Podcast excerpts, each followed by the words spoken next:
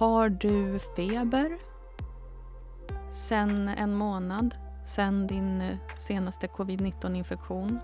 Eller har du det faktiskt nästan dagligen sen flera år tillbaka nu?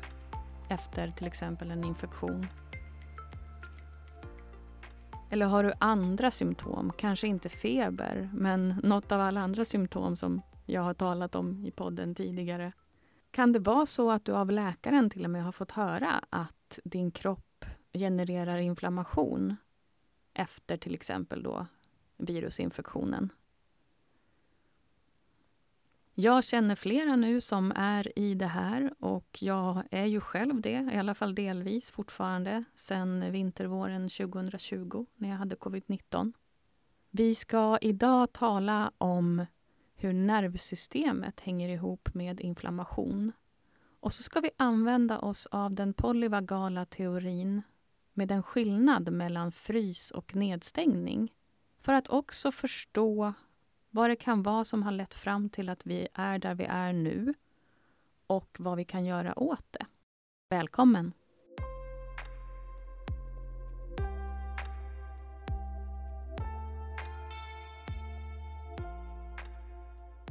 Idag talar vi om inflammation och nervsystemet i relation till varandra. Sen ett eh, lite större antal år nu så finns det medicin som blockerar den molekyl som deltar i utvecklingen av autoimmuna inflammatoriska sjukdomar. Man använder den här medicinen mot reumatiska sjukdomar, psoriasis, inflammatoriska tarmsjukdomar och andra sjukdomar som man har för att eh, man har för mycket inflammation i kroppen. Problemet, som man skulle kunna säga, med det här är att det påverkar immunsvaret i hela kroppen. På Karolinska institutet finns forskning på den neurala regleringen av inflammation. Det vill säga hur nervsystemet är med och bestämmer inflammation i kroppen. Bland det första som händer när en bakterie tar sig genom vår hud är att en lokal nervreflex aktiveras. Peder Olofsson leder forskning på Karolinska institutet där man ser framför sig hur man i framtiden ska kunna med hjälp av att påverka nervsystemet styra inflammation i kroppen. Tanken är då att man ska kunna göra det bland annat mer lokalt och regionalt än vad man kan idag med medicin. Den första viktiga signalvägen mellan hjärnan och eh, TNF var vagusnerven. TNF är då den här molekylen som eh, kan stå för hög inflammation i kroppen. Och med anledning då av att man lyckades identifiera den här första viktiga signalvägen som vagusnerven så har forskningen idag blivit väldigt fokuserad på vagusnerven. Men det här innebär inte, menar Peder Olofsson på KI, att vagusnerven måste vara det viktigaste att fokusera på i de här sammanhangen. Utan det är hela kroppen, hela nervsystemet som är involverat. Det kan finnas annat som man behöver fokusera på. Men när eh, Peder Olofsson i podden Hälsosnack nyss fick frågan vad kan vi göra medan vi väntar på till exempel att man då via elektronik ska kunna stimulera vagusnerven eller andra nerver i syfte att få bukt med inflammationen. Vad kan vi göra under tiden? Och då tänker man ju på sånt här som kalla bad, meditation, sång. Vissa menar att man kan nå vagusnerven genom örat, även om jag har hört att forskare ifrågasätter det. Inget av de här eh, tips och tricks som man kan hitta online, även det här med att jobba med ögonen, med blicken, finns ju också.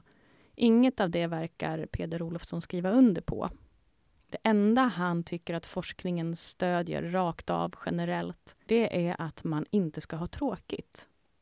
Det är så individuellt och situationsberoende allting. Så det man kan säga är att vi bör må bra, ha roligt, vara glada, göra saker som vi tycker är roliga och meningsfulla. Så om vi gör det på det sätt som vi som individer och i vår situation, om vi gör det som får oss att känna så här, att vi mår bra, har roligt och är glada, och känner att livet är meningsfullt, då har vi utmärkta förutsättningar för att eh, minimera inflammationen i våra kroppar, menar han. Jag skulle vilja idag också tala om de två stadierna frys och nedstängning. Freeze och shutdown. De här stadierna är länkade till vagusnerven i den polyvagala teorin. Vissa som arbetar med det här gör skillnad på de två stadierna. Porges och även Levine gör den här skillnaden. Om den är viktig eller inte låter jag vara osagt och om vi kommer att säga något helt annat om tio år, det är ju förmodligen troligt. Men jag har ändå varit intresserad av det här nu i, i något år eller två. Just eh, frys och shutdown, båda de orden har använts mycket i den terapi jag har gått i, i 20-25 år någonting. Har jag hört talas om det. Men den här uppdelningen i att shutdown, nedstängning är en sak och freeze, frys, är en annan sak tycker jag är spännande att reflektera över. Man kan tala om stegen där vi längst upp har eh, sociala, avslappnade stadiet. Där vi mår bra, vi läker, vi har goda relationer. När vi är längst upp på stegen här är vi i det parasympatiska nervsystemet. Längre ner på stegen har vi kampflykt, det sympatiska nervsystemet. Och allra längst ner på stegen har vi shutdown, nedstängning. Och faktiskt det som man brukar kalla för lugn och ro, nervsystemet. Det parasympatiska nervsystemet. Det finns tankar om att man behöver röra sig upp för den här stegen via kampflykt för att kunna ta sig från nedstängning till det avslappnade, sociala, läkande mera normala stadiet. Och det finns tankar om att det här kan man göra genom rörelse. Alltså att röra kroppen, helt enkelt. Utöver de här tre stadierna som jag precis beskrev överst lugn och ro, läker, socialiserar och underst shutdown, nedstängning. Finns det mellanstadier, menar Porges och Levine. Det finns en kombination av fight flight och lugn och ro. Alltså det översta som jag har pratat om och nästa steg. Om de kombineras får vi lek. Lekstadiet. Där vi har ett driv. Det finns också en annan kombination som leder till frys. Frysstadiet skulle då vara en kombination av längst ner på stegen shutdown, nedstängning och kampflykt. Här har vi alltså både kampflykt, det sympatiska nervsystemet och nedstängning i det parasympatiska. Aktiva på samma gång. Det som är allra mest intressant i det här är väl hur man blir frisk, eller vad man nu ska använda för ord. Hur man tar sig upp till eh, ett läge där man kan må bra, vara avslappnad och lagom driven när man vill och när det behövs och där man kan läka. Vi ska ta reda på så mycket som möjligt om det här, hur vi tar oss dit i den här podden framöver och fram till nu också. Det här är ett sätt att visualisera det hela, tänker jag. Den här typen av polyvagal teori. Polyvagal teori som erkänner skillnaden mellan shutdown och freeze, om man tycker att det är viktigt. Jag tycker att det är lite spännande att prata om den här skillnaden eftersom jag så tydligt har varit i det som jag förut har refererat till också som tired but wired. Väldigt eh, snyggt formulerat på engelska tycker jag och det beskriver så exakt hur jag kände mig när jag var som sjukast i lång covid-19 och POTS. Totalt uppvarvad spända muskler, hjärtat går väldig rastlöshet och oro i kroppen och kan inte slappna av. Jag låg ju vaken hela dygn. Och samtidigt så totalt slut så att jag ju knappt kunde hämta posten. Det här känns ju som en klockren beskrivning av en person som befinner sig i någon slags halvpermanentat frystillstånd. En kombination av det sympatiska fly, fäkta och det parasympatiska nedstängd. Om man befinner sig helt i shutdown, nedstängning, då är musklerna alldeles slappa. Hjärtat slår långsamt. Man känner sig avdomnad, apatisk. Hjärndimma brukar nämnas i de sammanhangen också. Det här tyckte jag faktiskt att jag såg i en hel del lång covid-grupper, människor som beskrev det stadiet. Allt från det rent fysiska, alltså att man var orolig över att man hade så extremt låg puls, till eh, hjärndimma.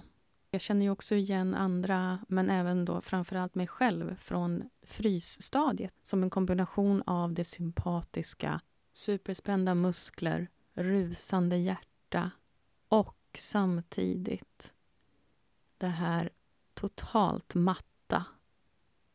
Det som inte går att beskriva med ordet trött för att det är någonting betydligt värre än, än trött. Och det här är ju, eh, om man försöker ta typexempel för eh, isolerade situationer när man kan hamna i frys, så är ju det alltså när hjärtat går och pickar på som 17, men eh, man ser död ut. Och det här kan man ju lätt missta också för någon som ser lugn ut, kan jag tänka mig.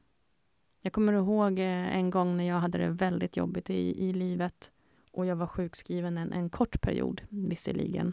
Men ändå mådde, mådde väldigt dåligt. Då kommer jag ihåg att folk sa till mig, men du ser så lugn ut när du sitter där på din skrivbordsstol och knappar på tangenterna. Och jag tror att jag eh, kanske ibland ser lugn ut. Och det framgår inte hur faktiskt otroligt dåligt jag kan må inuti och hur desperat jag kan vara. Om man känner mig så ser man nog att eh, ögonen inte riktigt, alltså att blicken inte riktigt är där till exempel. Och att jag inte är närvarande på rätt sätt i sammanhang. Men om man inte är så nära mig så går det säkert att missta sig.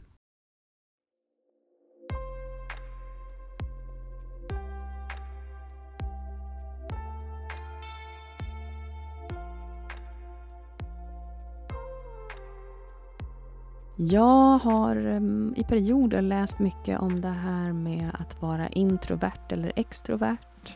Jag har velat lära mig mycket om eh, HSP, Highly Sensitive Person, en extra högkänslig person av något slag. Och Det har känts skönt att hitta information om det här och förstå att det finns många som är som jag att man tar in folks måenden, man tar in sensoriska intryck mer än andra och så vidare och så vidare. Men senaste åren så har jag tröttnat lite på att tänka så att jag är en sån och istället velat tänka att sån har jag varit, såna problem har jag haft. Men det är inte jag, det behöver inte vara jag. Jag kanske bara har varit i någon form av nedstängning eller frys och inte klarat mer stimuli. För det har redan varit så fullt i kroppen. Kroppen har varit så i full färd med att på något sätt genom frys eller genom nedstängning undkomma det här eh, imaginära lejonet på savannen. Om jag jobbar på... Att jobba på låter trist. Att slappna av på, kanske istället. Och lära mig att fungera bättre att navigera mellan de här olika stadierna att vara mer i lugn och ro, avslappnad, nyfiken, intresserad och mindre i de andra stadierna som är eh, påfrestande för kroppen, ja, men då kanske jag inte längre är introvert eller eh, högkänslig som person. Då kanske jag får vila när jag behöver vila och så kan jag vara aktiv när jag vill vara aktiv på ett nytt sätt.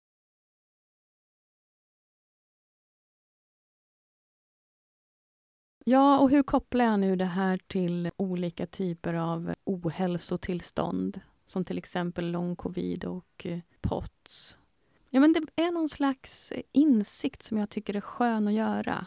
In, inom ramen för den här polyvagala teorin med skillnad mellan frys och nedstängning. Jag tänker också på människor som jag har haft omkring mig.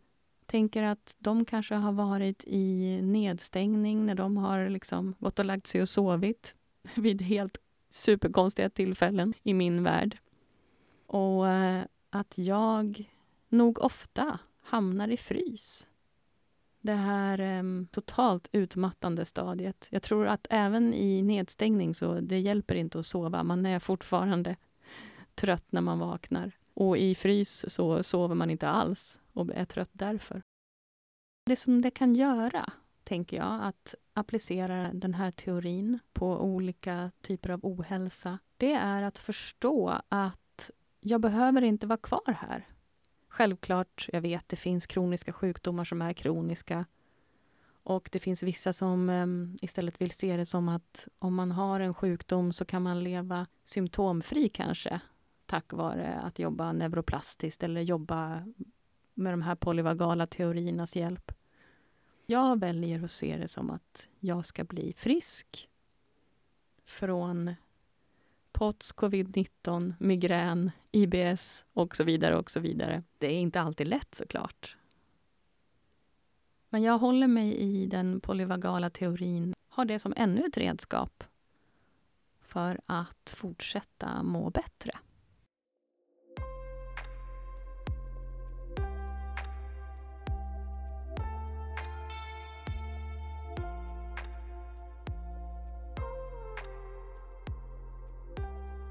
Varför hamnar vi i de här frys eller nedstängningsstadierna? Jag har hört fler som, liksom jag själv, tycker att om man ska se något positivt i lång covid-19 till exempel så är det att man har fått syn på vissa beteenden som man har och som inte har varit bra. Om man väljer att se på saken som att man har fastnat i något av de här två stadierna, frys eller nedstängning, så kan man tänka att man kanske till och med var där i något av de stadierna för ofta redan innan lång covid-19 eller någon annan diagnos. Och att den här infektionen då förvärrade det hela. Man kan ju också tänka att det räcker ju med det som händer när man får covid-19 då, som jag i, i första vågen, våren, vintervåren 2020. Man får den här fruktansvärda sjukdomen som har fått hela världen att bli livrädd och vidta massa åtgärder. Folk dör som flugor och man ser likbilar på nyheterna. Jag tror att det hände mig i alla fall, att när jag fick det här, jag hade också kompisar som hade fått det lite före mig och som beskrev hur de hade varit sjuka i många, många veckor. Och så kommer den här sjukdomen och den sätter sig på andningen väldigt, väldigt obehagligt. Där är det ju kanske svårt faktiskt så här i efterhand att veta vad som var psykiskt orsakat, eller vad man nu ska använda för ord, och vad som faktiskt var ren påverkan på lungorna. Klart är ju i alla fall att jag satt uppe flera nätter och bara fokuserade på att få ner luft i lungorna. Och det var ju, det kan man ju faktiskt se som ett trauma, tänker jag. Bara den delen. Något annat också, den här påverkan på hjärtat som jag aldrig hade varit med om tidigare. Att hjärtat plötsligt bara slog så fruktansvärt snabbt. Och ibland kunde det ju vara till och med att jag låg och sov och vaknade av det. Så att min upplevelse var ju inte att det här var någonting som jag orsakade med min oro. Traumatiserande, tänker jag. Att sen, eh, som jag har förstått gäller många, inte var välkommen på vårdcentralen eller kanske ens på akuten ibland. Jag har hört många berätta om hur man på 1177 sa ”hör av dig igen när du blir blå om läpparna”. Att behöva sitta ensam i väntrum eftersom man inte fick ha med sig något stöd på grund av situationen. Jag lägger ingen värdering i det här, jag bara berättar hur det var för mig och hur det kan ha varit för andra också, tänker jag. Och jag har också sett att folk har beskrivit det här att eh, uppsöka akuten och liksom gå de meter som behövs antingen från sin bil eller från buss eller hur man tar sig dit. Jag har läst om någon som kröp från sitt hem. Liksom. Och sen bara, ja, men i mitt fall då, jag segnade ner där vid entrén till eh, närakuten. Verkligen så totalt slut, helt oförmögen att ta mig ett steg längre. Jätte jättepåfrestande psykiskt att gå igenom det här, att vara så dålig. Och att känna sig så ensam. Det hände mig någon gång att jag inte ens fick en ordentlig koll. Den andra gången jag var på närakuten så fick jag det, men ändå. Att behöva åka hem igen och man har fått en del kollat. Jag fick också en gång åka vidare till ett annat sjukhus för att, kolla några prover. Och när jag gick Eh, och fick min syresättning mätt samtidigt som jag promenerade så sa sköterskan oj, där åkte det ner väldigt lågt, men det måste ju vara något fel. och sen efter det då blev jag hemskjutsad, eller hem, hemskickad. En annan gång när jag uppsökte akuten så, ja, jag måste ju ha haft eh, närmare 200 än 100 i puls. Alltså, jag hade ju grava pottsproblem och att bara åka hem efter det, totalt utlämnad till mig själv. Det är klart att det var ett trauma också. Jag vet att det finns folk som har det värre och så här, men det är ju någonstans det som är mitt problem. Att det finns alltid någon som har det värre och jag ska inte be om hjälp och jag ska inte be om stöd och jag ska inte vara svag och jag ska inte gråta. Jag tror att det bidrar till att att eh, jag till slut befinner mig i en situation där jag eh, har lång någonting. Utmattning, covid-19, POTS. Så för att ta sig ur det här, frys eller, eh, eller nedstängning, man måste ju inte ta sig ur det för alltid. Det, meningen är ju att man ska kunna navigera, röra sig mellan de här olika stadierna mm, ganska problemfritt. Och inte fastna. Det handlar om att inte fastna i fly, fäkta, frys eller nedstängning. Eller någon, någon kombination av de där. Utan att man ska ha som normalläge det här avslappnade, sociala, läkande stadiet. Och sen kunna använda sig av andra stadier lite lagom när det behövs. Och det här gör man genom att hitta olika sätt att lugna ner sig, att hitta tryggheten. Lugna ner sig kanske låter lite hårt, men um, låta sig bli lugnad. Ha tilltro till att det är tryggt att vara lugn. Och eh, som jag har sagt tidigare, vissa menar att det är av avgörande vikt att kroppen får vara med när vi ska ta oss från nedstängning eller frys upp via fly, fäkta till lugn och ro, socialt läkande, matsmältande, fungerande stadium. Peder Olofsson, som sagt, han som eh, leder forskningen vad gäller hur nervsystemet faktiskt, i alla fall delvis, styr inflammation i kroppen. Han eh, svarar på frågan i podden Hälsosnack att han kan inte rekommendera generellt någonting för vagusnervens funktion i stil med kalla bad eller meditation eller sånt här som man brukar tala om. Utan han menar att det enda som forskningen säger och som han kan uttala sig om generellt, det är må bra, gör saker du mår bra av. Han använder ordet fulfilling på engelska, gör aktiviteter som du upplever meningsfulla. Då har man goda förutsättningar för ett hälsosamt liv, menar han. Den här podden syftar ju till att vi ska ta oss från fly, fäkta, frys, nedstängning, om man vill använda sig av den beskrivningen, till det här trygga, läkande, sociala stadiet.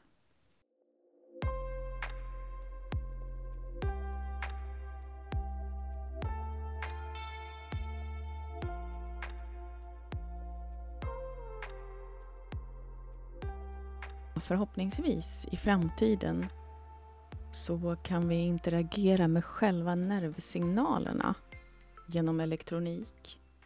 Man kan tänka sig att det här kommer att ske både på helkroppsnivå, på vagusnerven som reglerar cytokinsvar, TNF, och i mer regionala processer.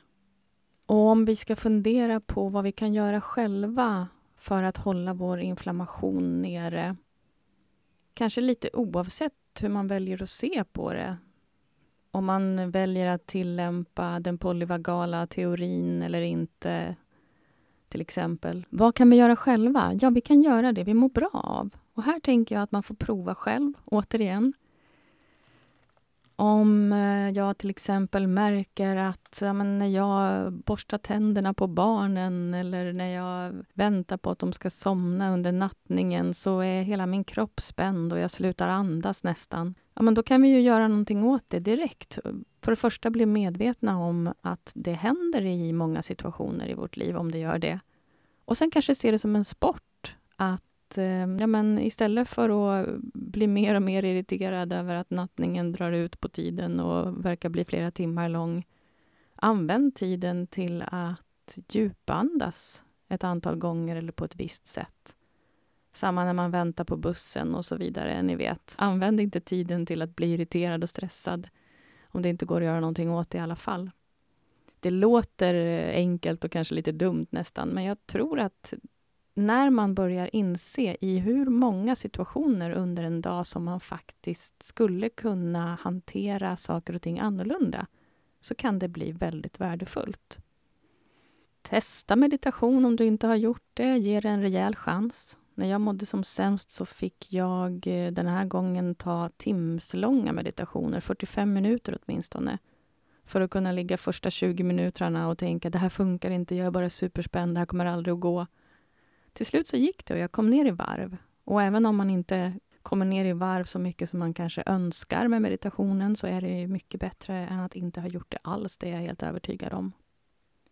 Det här som jag har nämnt nu, det är sånt som syftar till att man ska må bättre.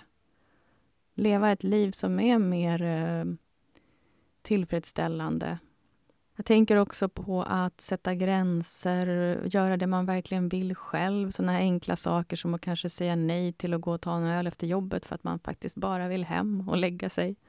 Eller kanske gå med och ta den här ölen efter jobbet om det är det man behöver. Laborera med allt. Och även eh, när man sätter gränser, om man tycker det är jobbigt så är jag övertygad om att när man gör det så i längden så tjänar alla på det. För att om vi börjar ta hand om oss själva så blir vi till exempel bättre föräldrar. Vad kan vi mer göra? Röra på oss.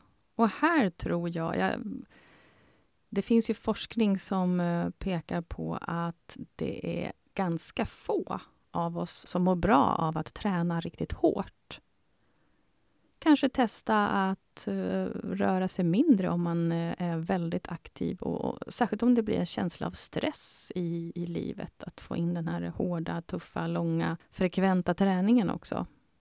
Kanske ersätta ett eller två pass i veckan med att gå ut och promenera bara. Och det här är ju då under förutsättning att du mår så pass bra så att du tränar. Om du mår så dåligt så att du är sängliggande i princip, då har vi ju en helt annan utgångspunkt.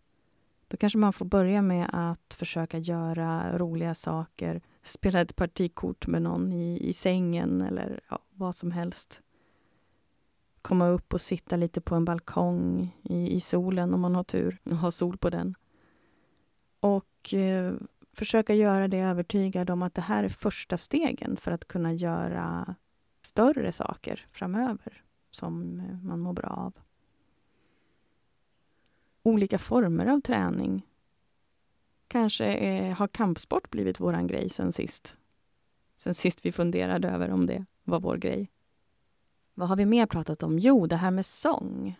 Om man gillar att sjunga, det är väl fantastiskt om man kan få stå tillsammans med andra människor i en kör eller liknande och uppleva glädjen med sången. Och sen om det dessutom stimulerar vagusnerven, som vissa menar, så är ju det en extra bonus, verkligen. Men själva upplevelsen i sig räcker ju bra. Samma med dans. Läsa, skriva, va, allt vad, vad, du gillar. det du gillar att göra helt enkelt. Gå en drejkurs. Att vi utmanar oss, att vi gör något som vi inte skulle ha vågat tidigare. Vi tar vara på livet, enkelt. Odla. Så här också sliten grej liksom. Man är utmattad och sjukskriven och sen blir man eh, trädgårdsmästare eller yogainstruktör.